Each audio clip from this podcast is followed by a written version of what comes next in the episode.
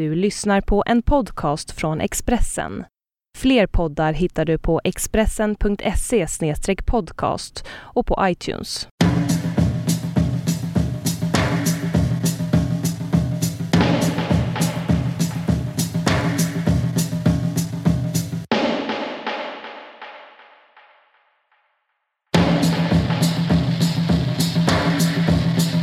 Ni lyssnar på En varg söker sin podd. Jag heter Caroline Ringskog Ferrada Noli och mitt emot mig sitter Liv Strömqvist. Hej, hej! Hej, hej! Hur mår du idag?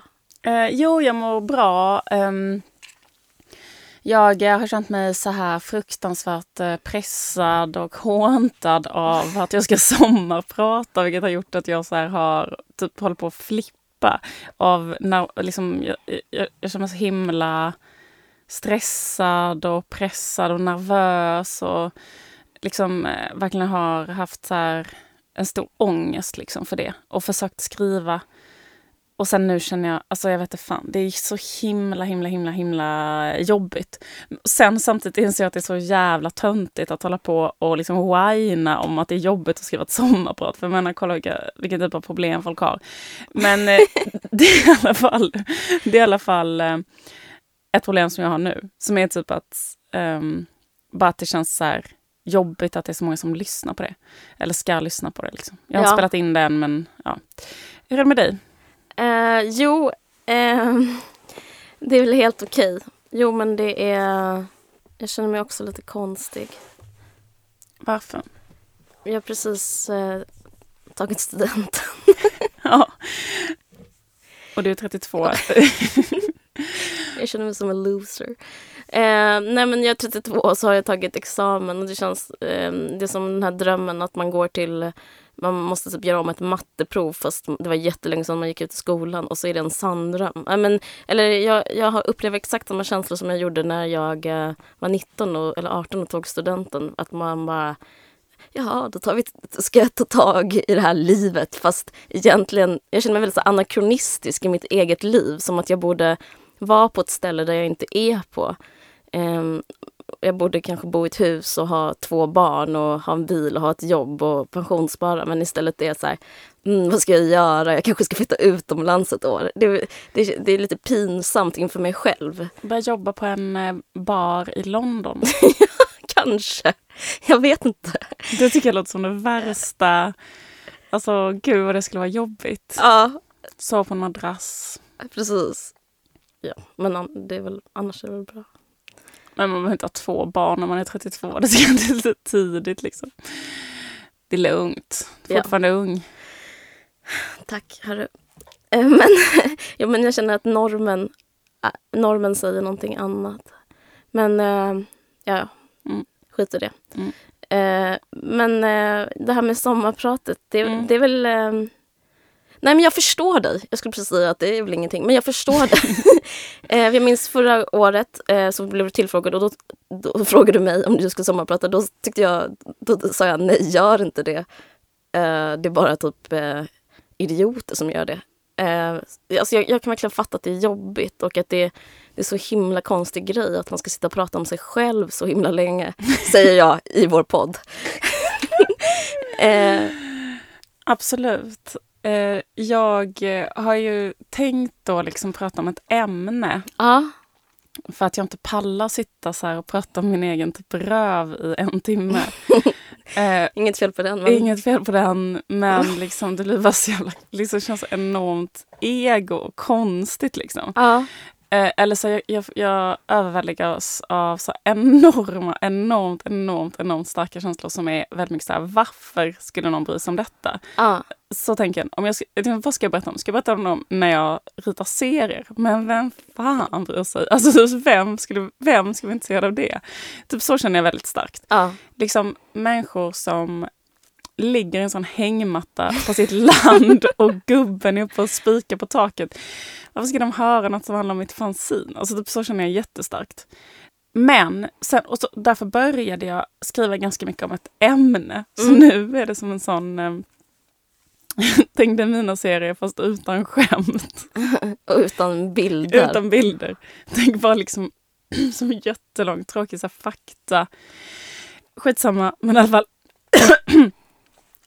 Alltså jag blev så här rädd att det bara ska låta som att någon bara läser högt från Wikipedia. Typ så är mitt sammanfatt nu. Okej. Men, Faktaspäckat. ja.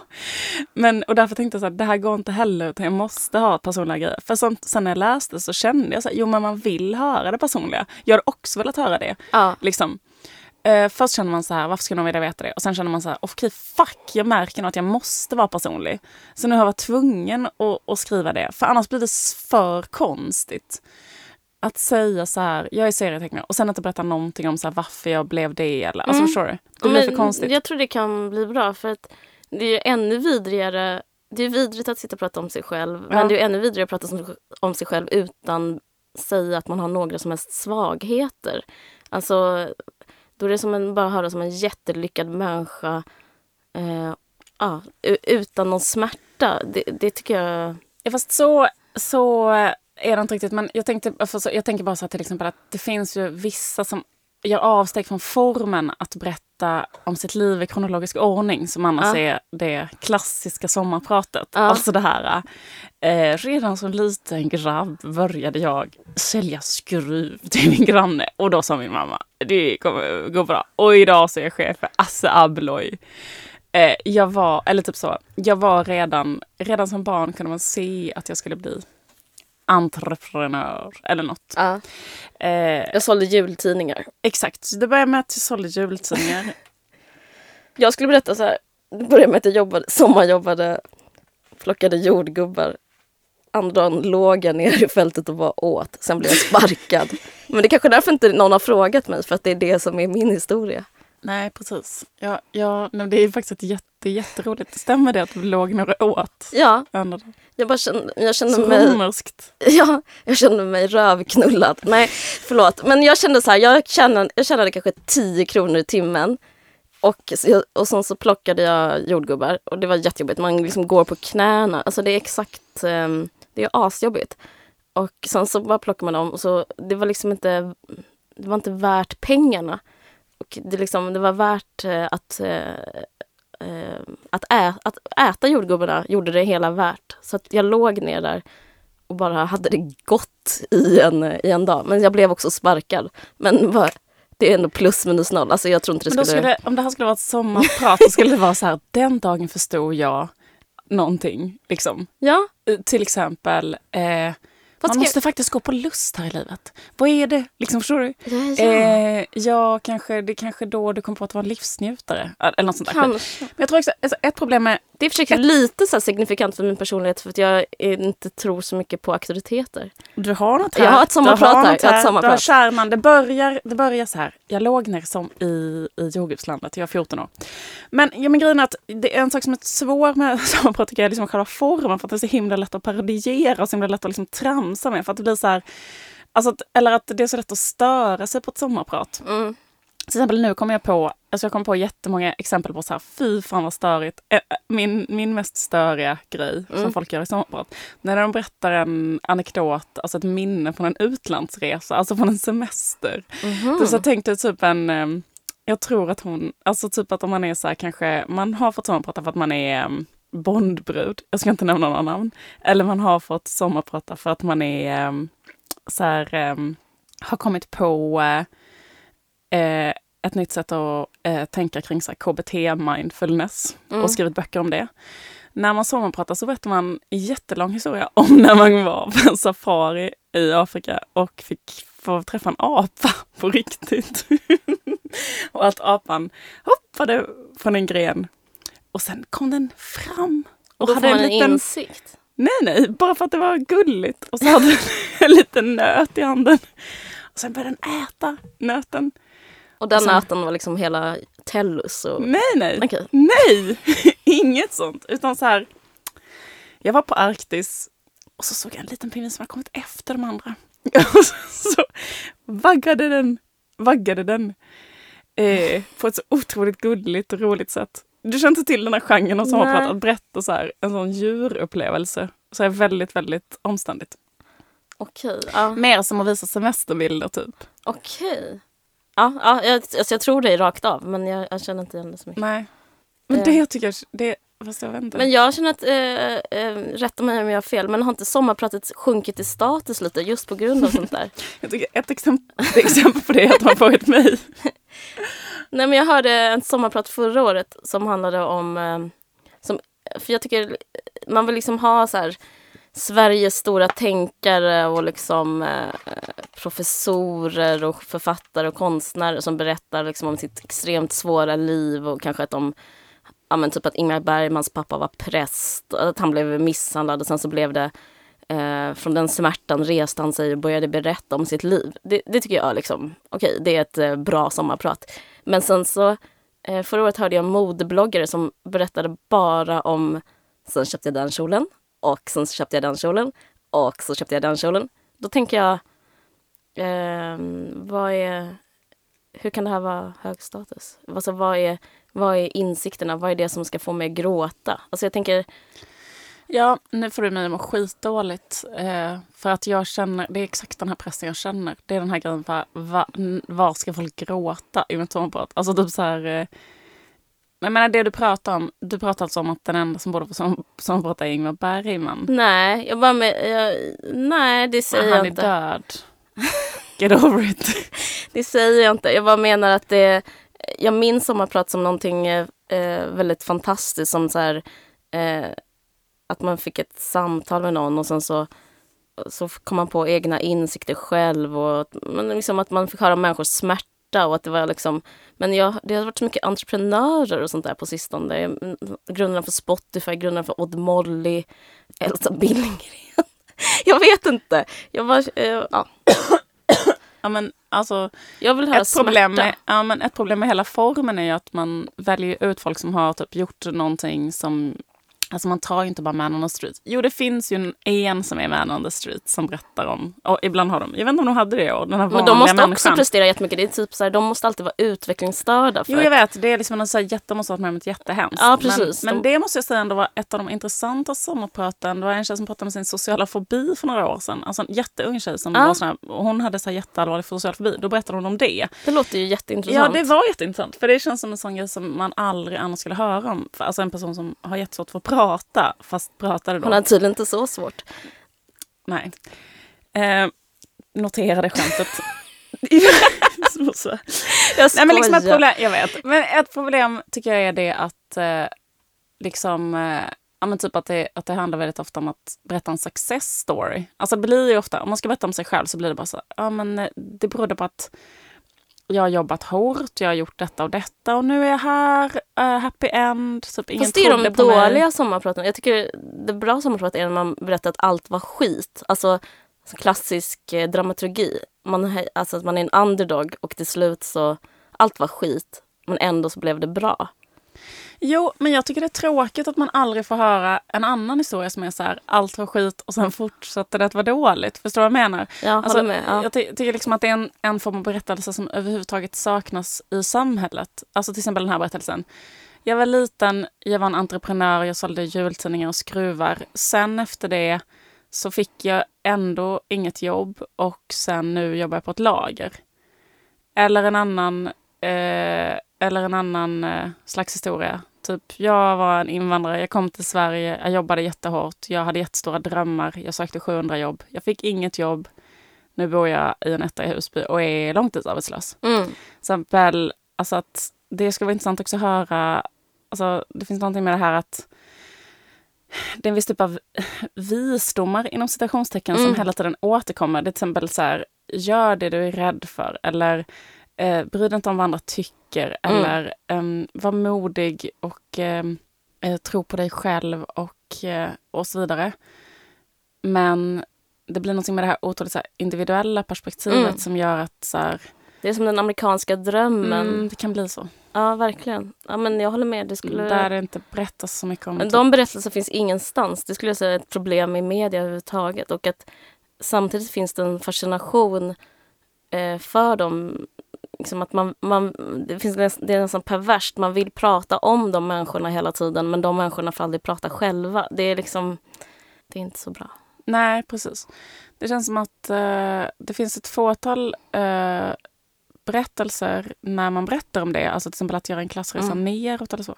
som blir så jävla bra bara för att... Eh, alltså det jag tänker på Christian Lundbergs Jarden till exempel som handlar om att han var så här, en författare som det gick ganska bra för. Mm. Och sen plötsligt så blev han så här utfryst av etablissemanget på grund av att han skrev lite felaktigt och inte betalade ah. några räkningar hit Men att det ganska snabbt kan gå åt helvete. Och sen så fick han jobba med så här oregelbunden timvikarie i hamnen i Malmö. Den, det är en sån bok, det är en sån skildring som man när man läser den tänker så här, fan jag aldrig ha detta. Mm.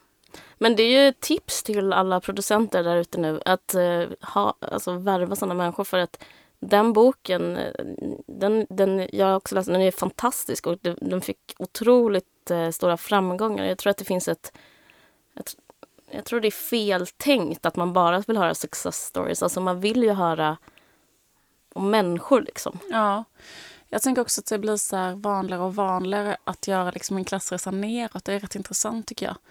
Alltså för man har ju hört jättemånga så här, jätteofta när folk snackar om klass och så, så ja. är det jätteofta så att folk berättar om sin klassresa uppåt. Alltså mm. Alltså att man känner sig avskärmad från sin, var man kommer ifrån och så. Men nu känns det som att vår generation kanske liksom är den generationen som kommer ha det sämre än våra föräldrar och sådär. Mm. Och att många gör en klassresa neråt och, och så vidare. Och att, ja, Lasse Kroner ska sommarprata. Det är faktiskt det som har fått mig att hålla mig uppe lite. Jag tänker hur, oh, hur lite ångest han har för att sommarprata. Det har jag tänkt på. För att inte ha så mycket ångest själv.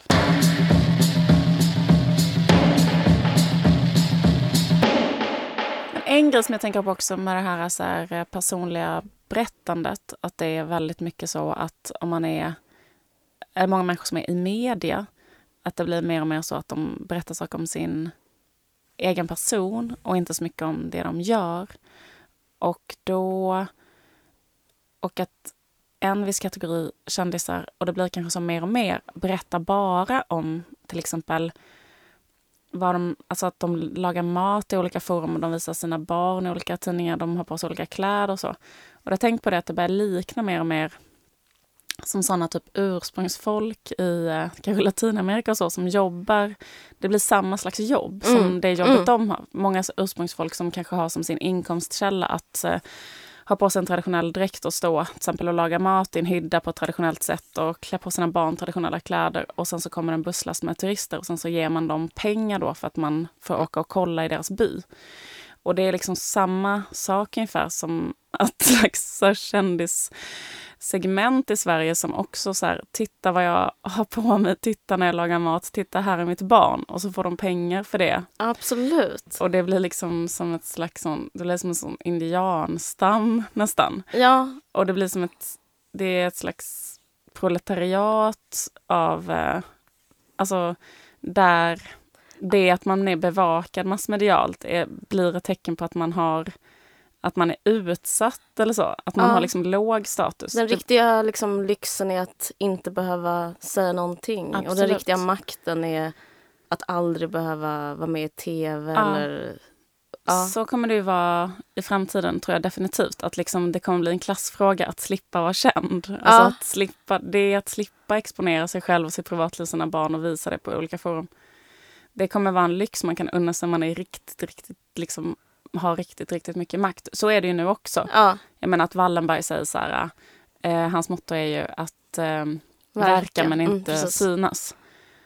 Och jag kan känna att jag till exempel, som gör så här, eh, typ politiska satirteckningar och så här, ja. jag kan känna att, att, att jag är ganska mycket så, synas men inte verka. Ja. Alltså mina teckningar syns och så, men de har ju ingen effekt så här, politiskt. Ja, eller, så där eller jag man kan se helt, ehm, helt visuellt på hur människor med makt ser ut också. Alltså den som, den som har mest makt är den som har grå kostym. Mm. Och att eh, det mest sobra, diskreta som slipper visa bröst, slipper visa ben, slipper ha... Alltså om man jämför typ en prostituerad med en eh, VD, alltså hur de ser ut. Det är liksom en slags miniatyrbild av vad du pratade om. Att Eh, att man ska vara där och vara färgglad och kuttra och eh, ja, visa flesh. Liksom. Det är att vara kändis. Liksom. Medan man sitter där med sin kostym i ett stängt rum. Att det är liksom det är där, det är maktens rum. Det, ja. ja, precis. Det är så här... Um, liksom, för det... Eller jag vet inte, för det men det kan ju verka som att man har någon slags makt om man säger någonting i ett forum så kan det vara så här, ja men titta du kan få säga det här eh, i den här tidningen. Och visst på ett sätt kanske man eh, har mer makt än någon annan som inte alls kan säga det och så. Men samtidigt så är det ju, samtidigt pågår det på eh, den alltså, globala finansmarknaden. Absolut, det är ingen någonting... makt alls. Alltså det, det, är bara, det är bara väldigt så här, snillrikt, snillrikt jag blir paranoid när jag tänker på den här grejen. Men liksom hur hela media fungerar och att de som är längst ner på den trappan är... För det första är det såklart kvinnor och sen så är unga tjejer som har, har en åsikt. Att skriva en krönika, det är liksom som att... Eh, ja, men det är som typ ha en eh, vad ska man säga, fotboja liksom i stort sett. Nej men det är som, eh, den är så fruktansvärt låg status. Och man kan hålla på så här, eh, tjattra om det i all evighet och det är för att man ska ta fokus från vad som egentligen händer. Alltså att man kan, och krönikor går jättemycket ut på att man säger något sensationellt, man sticker ut hakan och sen så blir det något, eh, eh, något tjafs om det. Och som SVT Debatt har blivit också, att, eh, jag tycker det är ett mått på att vi går mot en antidemokrati, hur SVT Debatt har utvecklats. SVT Debatt är ju sånt eh, bomullsfält där det är åsiktsproletariatets slavar ja. får gå och arbeta med sådana åsikter. Precis, man har ingen så här, reell makt, man har ingen, så här, det finns in, det ingen tredje statsmakt längre att vara journalist, utan istället får man sitta där och säga eh, liksom, vad ska man säga, ja, men, säg, eh, man får inte säga neger längre. Och så liksom under tiden så stängs en vårdcentral. Liksom. Ja precis, något händer på nästa. Ja, eller nästa, ja precis, någon global. Ja men exakt, eller typ eh, en, eh, ja. Ja men därför, jag, men jag tycker det är intressant det här med personliga berättandet och åsiktsberättandet. Jag vet inte vad som är vägen att gå. Att på ett sätt finns det ja, jag vet inte vad som är värst av att behöva berätta något personligt och behöva säga en åsikt. Jag vet inte. Apropå det här med att det, att det börjar bli säm, att det står sämre till, liksom, att det är ett tecken på anticivilisation, är att DN, DN Kultur och Debatt, som ska vara kanske, ja men det har väl varit så här, i alla fall sista utposten för så här, ett intellektuellt samtal, att även de har börjat så här, desperata uppvisa sin brist på makt genom att de, även de tar in människor med rena skära åsikter som inte baseras på vetenskap och filosofi utan bara på också den här desperata tonen som finns hos sådana här eh, unga tjejer. till exempel var det en dansk i veckan som skrev, ja men som började så här ifrågasätta själva grunden för eh, massa statistik och vetenskap, alltså det som har med jämställdhet, jämställdhet att göra, alltså den typ av demokratifråga. Att ha ett att land har hög jämställdhet och det är ju, det är ju tecken på civilisation. Men sen så, han, jag måste citera vad han sa ett ögonblick. Han sa så här, svenska kvinnor, ni har vunnit så in i helvete och idag är det ni som är förtryckarna. Det förvånar mig att det får stå på DN Debatt, eller DN i kultursidan, för det är ju någonting som inte alls är sant. belagt. Nej, precis. Det är bara som en sån eh, det är som en sån åsikt som man kan skriva på sin blogg eller sin statusrad. Det blir så här, känns lite, jag tycker lite synd om DN, att de ska behöva eh, Jobba så mycket med klickabilitet. Ja, precis. Det blir, känns som att det är det det handlar om. Det är bara liksom, eller män tjänar mer än kvinnor och kvinnor eh, jobbar mer i hemmet. Det finns jättemycket forskning på det. Det känns så trist så här, att, att så här, behöva sänka sig ner den skit som är den här, så här antivetenskapliga så här, tåget medan någon annan... Jag tycker det är bara bevis på att man är totalt maktlös. Att man får in såna åsikter som, som antidemokratiska åsikter. Liksom. Det var kul tycker jag med Nina Björks svar. För det kändes ja. så här, på ett sätt så kände jag så här, gud vad mycket orka för Nina Björk att skriva ett svar på detta överhuvudtaget. Men sen kändes det som att hon kunde liksom använda något gammalt dokument hon haft i datorn sedan 15 Trycka år tillbaka. Bara trycka på sänd. För att det var ju som de grejerna hon skrev i det, i det där svaret. Det är grejer som inte jag har hört henne liksom orka prata om på kanske 15-20 år. Men alltså, hon har inte behövt. Hon har inte behövt det, exakt för att hon har kunnat så här abstrahera vidare, ja. diskutera på ett mycket mer alltså, mångfacetterat sätt och liksom bla bla bla.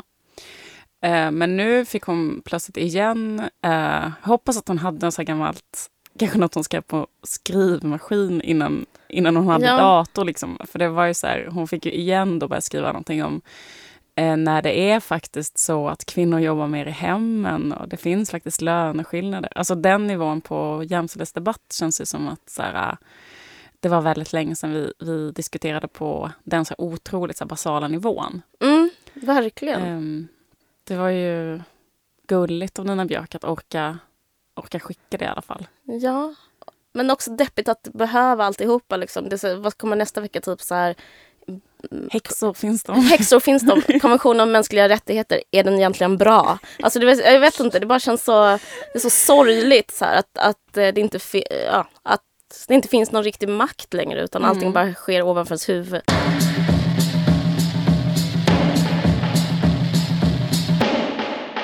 Hur känner du för att ha åsikter?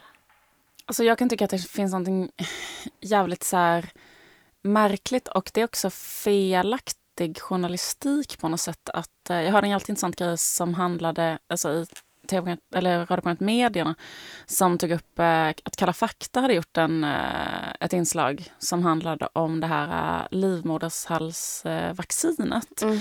För det finns vissa så här extremt tvivelaktig forskning som säger så här, det är farligt. Det finns ju alltid som en vaccin.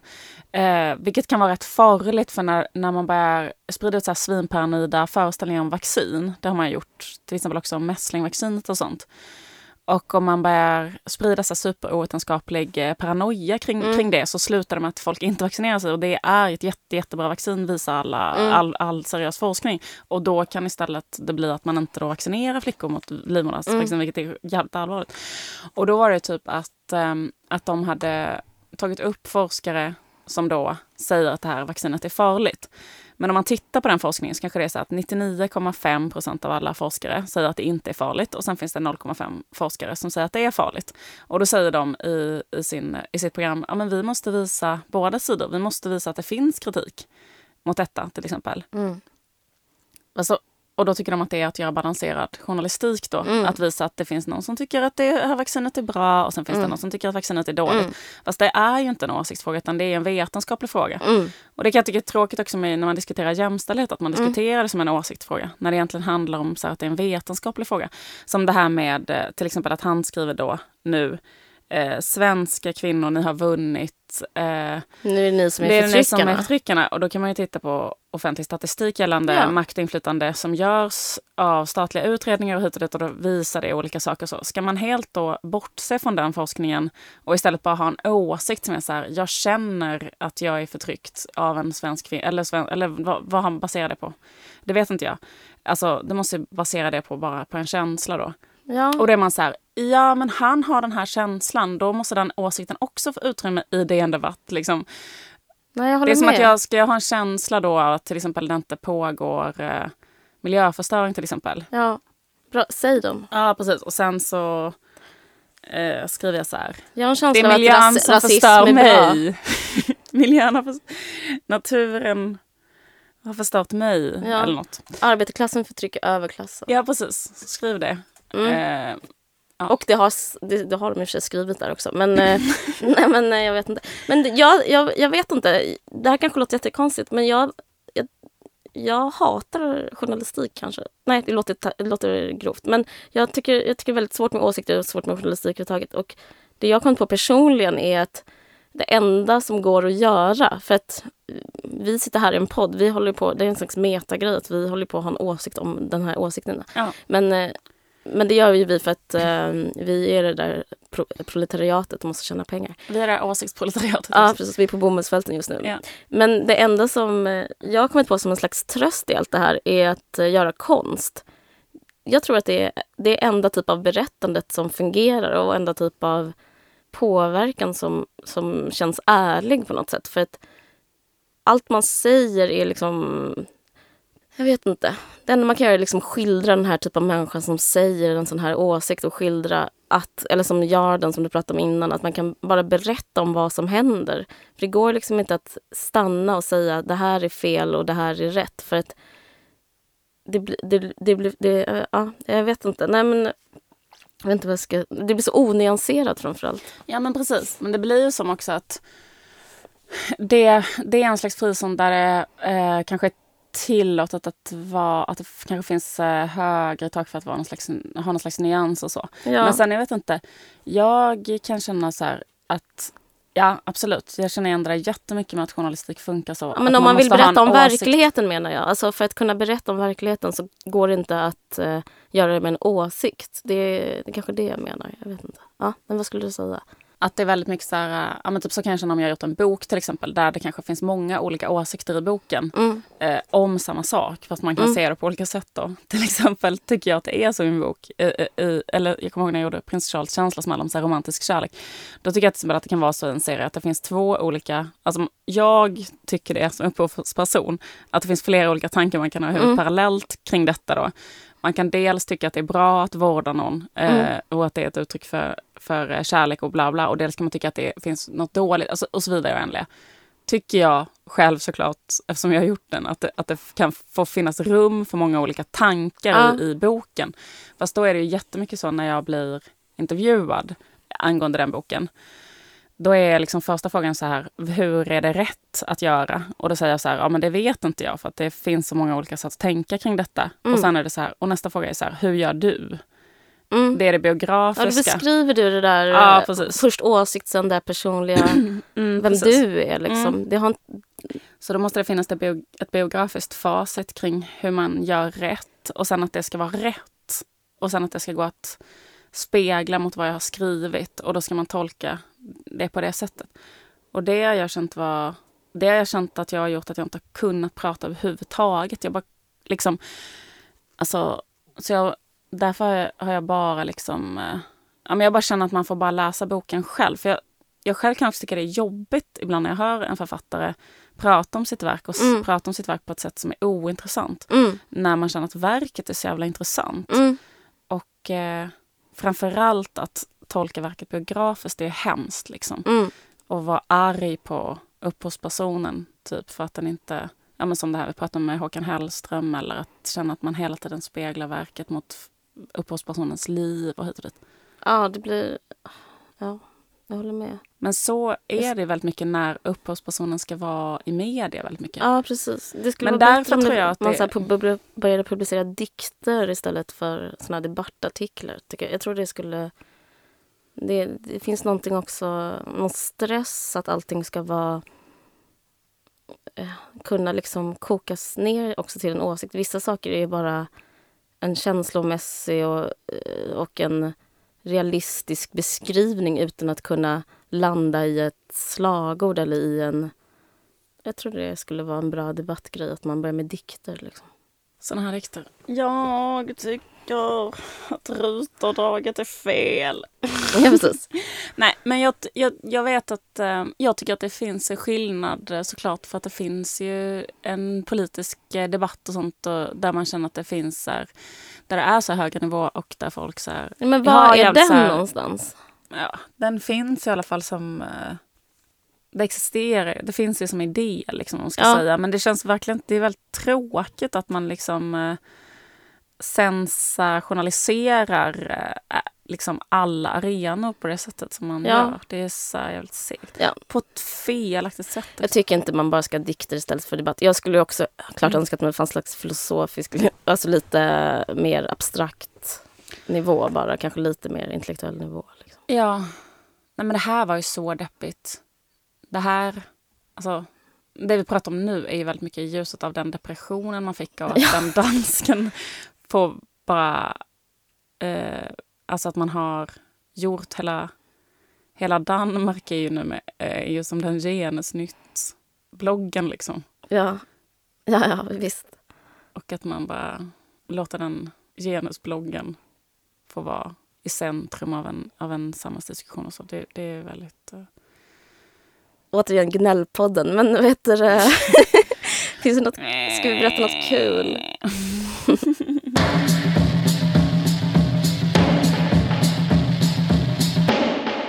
tänkte på det faktiskt för att vi var ju på, eller vi snackade med en, skitsamma, men det finns en, det finns en diskussion kring att SVT inte når målgruppen kvinnor 25 till 35. Just det.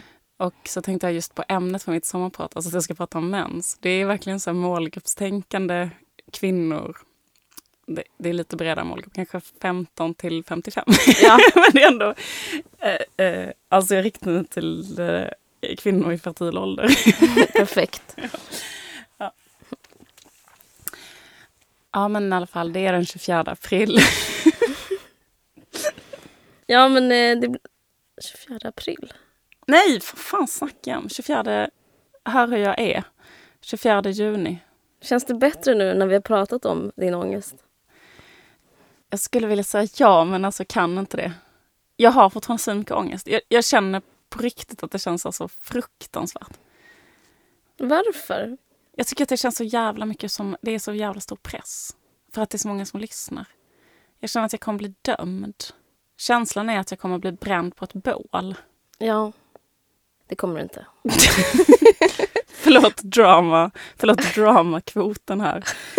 Ehm, Den är, det är sin rätt. det är Det är sin ordning. okej. Ja. Ah, ja. Vi kanske... Skitsamma. Eh, vi, eh, tack för att ni, eller? Tack för oss. Du har lyssnat på En söker sin podd som är ett samarbete med Expressen Kultur och eh, musiken i början gjordes av eh, Vit Päls.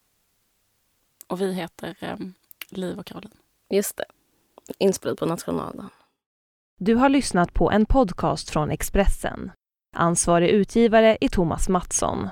Fler poddar hittar du på expressen.se podcast och på iTunes.